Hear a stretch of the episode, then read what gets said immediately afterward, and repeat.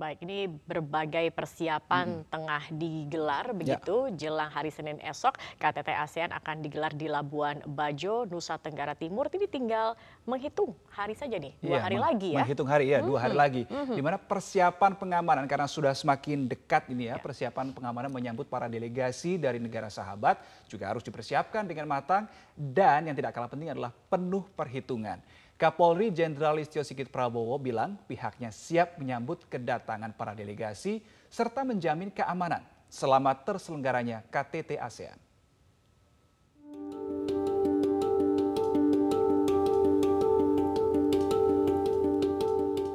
KTT ASEAN 2023 di Labuan Bajo, Nusa Tenggara Timur akan menjadi penyelenggaraan yang kelima kalinya bagi Indonesia sebagai tuan rumah.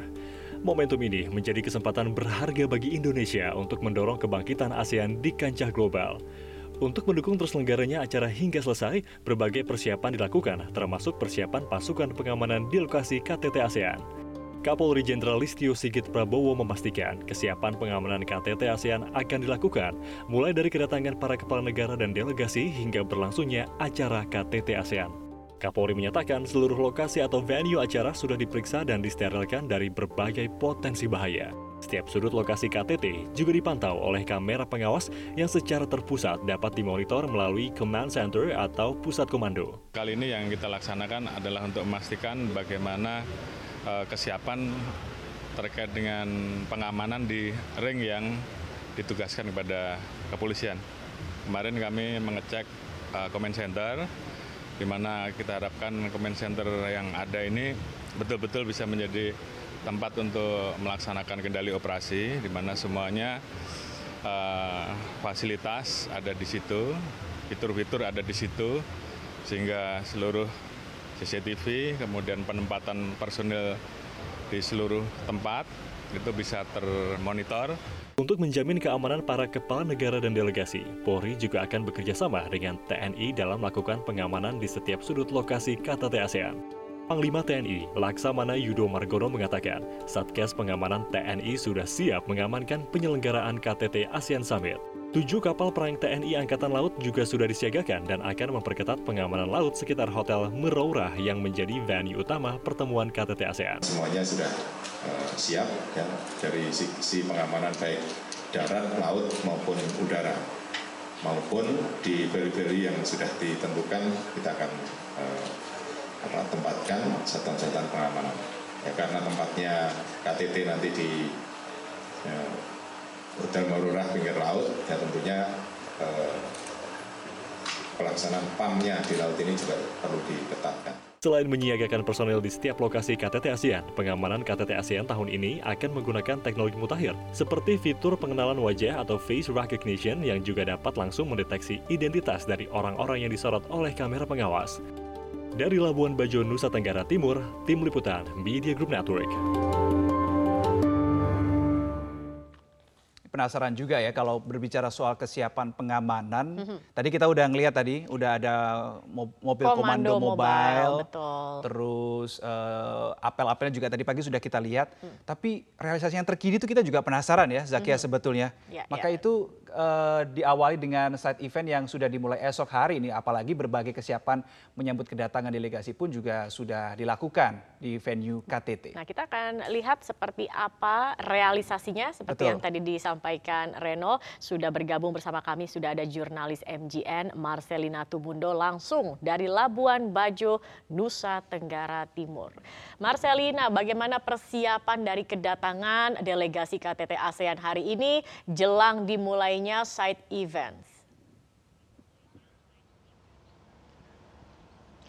Zakia dan Reno nanti setelah delegasi KTT ASEAN ataupun tamu VIP dan VVIP mendarat di Labuan Bajo tepatnya di Bandar Udara Komodo, mereka sudah langsung akan mengikuti jalur khusus yang sudah disiapkan oleh pihak bandara. Jadi nanti ketika uh, mendarat akan ada pintu khusus, kemudian juga Bandar Udara Komodo dikhususkan atau dibuka jalur penerbangan internasional bagi para delegasi KTT ASEAN. Karena kita tahu kalau Bandara Komodo ini sebetulnya belum berstandar uh, bandar udara internasional, tapi khusus untuk KTT ASEAN dalam rangka menyambut kedatangan para delegasi nantinya akan dibuka penerbangan internasional dan juga akan disediakan ada loket-loket imigrasi, kemudian juga conveyor belt khusus bagi para delegasi atau tempat untuk pengambilan bagasi yang nanti akan berbeda dengan uh, penerbangan-penerbangan uh, lainnya. Sehingga bisa dikatakan kalau untuk kesiapan di Bandar Udara Komodo menyambut delegasi ini sudah sangat siap dan berdasarkan informasi yang kami kumpulkan perkiraannya para delegasi akan tiba mulai hari ini karena besok sudah dimulai adanya side events KTT ASEAN. Tidak sampai pada kesiapan di Bandar Udara Komodo saja tapi uh, dari sisi akomodasi mulai dari bandara ke tempat penginapan atau ke venue-venue KTT ASEAN lainnya juga telah disiapkan jalur-jalur khusus dan juga pengawalan yang uh, bekerja sama dengan pihak TNI dan Polri.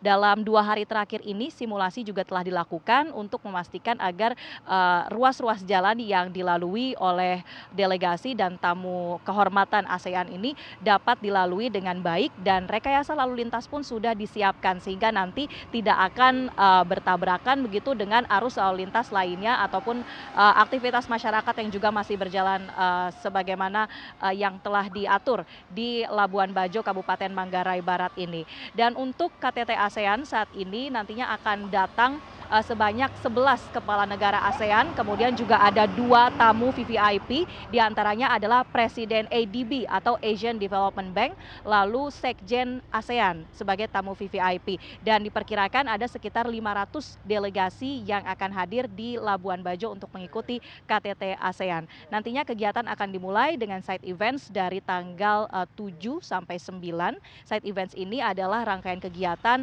yang lebih fokus membahas terkait dengan UMKM, pariwisata, kemudian juga seni uh, yang nantinya tujuannya tentu untuk penguatan uh, pembangunan ekonomi bagi negara-negara ASEAN. Baru nanti dilanjutkan dengan uh, main events di tanggal 9 sampai dengan 11 uh, Mei 2023 mendatang yang akan menjadi pertemuan konferensi tingkat tinggi oleh seluruh kepala negara ASEAN. Indonesia juga turut menghadiri resepsi malam penobatan Raja Charles III. Indonesia diwakilkan oleh Duta Besar Republik Indonesia di London, Desra Percaya. Duta Besar Republik Indonesia untuk Inggris, Desra Percaya menerima undangan dari Kerajaan Buckingham untuk menghadiri penobatan bersejarah Raja Charles III. Desra Percaya akan hadir mewakili Presiden Joko Widodo atas arahan dari Menteri Luar Negeri Republik Indonesia Retno Marsudi.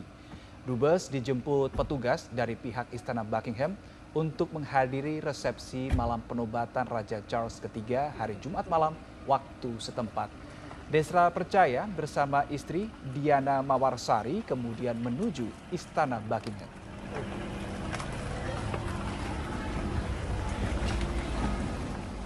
Melalui proses, akhirnya tiga hari yang lalu uh, undangannya datang nih Mbak Devi, undangan kepada saya sebagai duta besar tentu saja mewakili Bapak Presiden uh, untuk hadir di acara pemahkotaan. Bapak dalam berbagai kesempatan sudah pernah bertemu secara pribadi dengan Raja Charles.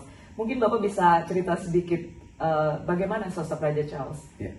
Uh, pada waktu saya berkesempatan ke Buckingham Palace itu diberi kesempatan untuk uh, salaman begitu ya luar biasa ya orangnya hangat orangnya hangat dan juga sangat atentif kalau bicara tuh pandangan matanya dekat ya saya mengatakan memperkenalkan diri saya dari Indonesia. Oh ya, dia langsung ingat Indonesia yang perannya dalam uh, climate change sangat aktif. Kemudian di G20 juga beliau support dan juga beliau ingat sekali mengenai uh, hal yang sangat membanggakan dari Indonesia terkait dengan uh, interfaith dalam toleransi dan juga dalam pluralisme.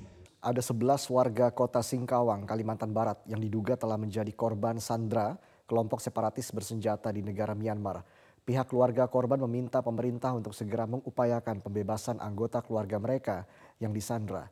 Ada 11 pekerja migran asal Indonesia di negara Myanmar yang menjadi korban sandra kelompok separatis bersenjata di Myanmar. Salah satunya pekerja migran Indonesia asal Singkawang yang tinggal di Gang Trendi, kota Singkawang. Ayah korban Sandra menyatakan anaknya bersama 10 PMI lainnya sebelumnya berangkat kerja menuju negara Kamboja. Usai bekerja selama dua bulan, lantaran pemutusan kontrak kerja, mereka dibawa ke Myanmar. Setelah beberapa minggu di Myanmar, mereka memberi kabar jika telah disandra oleh gerombolan separatis bersenjata. Pihak keluarga korban berharap pemerintah segera turun tangan guna membebaskan anak-anak mereka dari tangan penyandra. Pihak pemerintah Kota Singkawang pun mengimbau masyarakat agar lebih berhati-hati jika mendapat informasi peluang kerja di luar negeri melalui media sosial. Karena China kan, iya. bukan orang Myanmar, orang Kamboja kan. Dan kalau ada tawaran seperti itu lebih baik di cross check sama kita. Kan kita ada dinas naker. Nanti dinas naker akan mengecek ke sana. Pengarah tenaga kerja di lokasi sana perusahaan apa-apa sana cek dulu. Betulkah Pak memerlukan tenaga gini gini gini? Kalau enggak ya bisa masuk ke tangan yang kayak gini. Tahu? Oh, gimana lagi?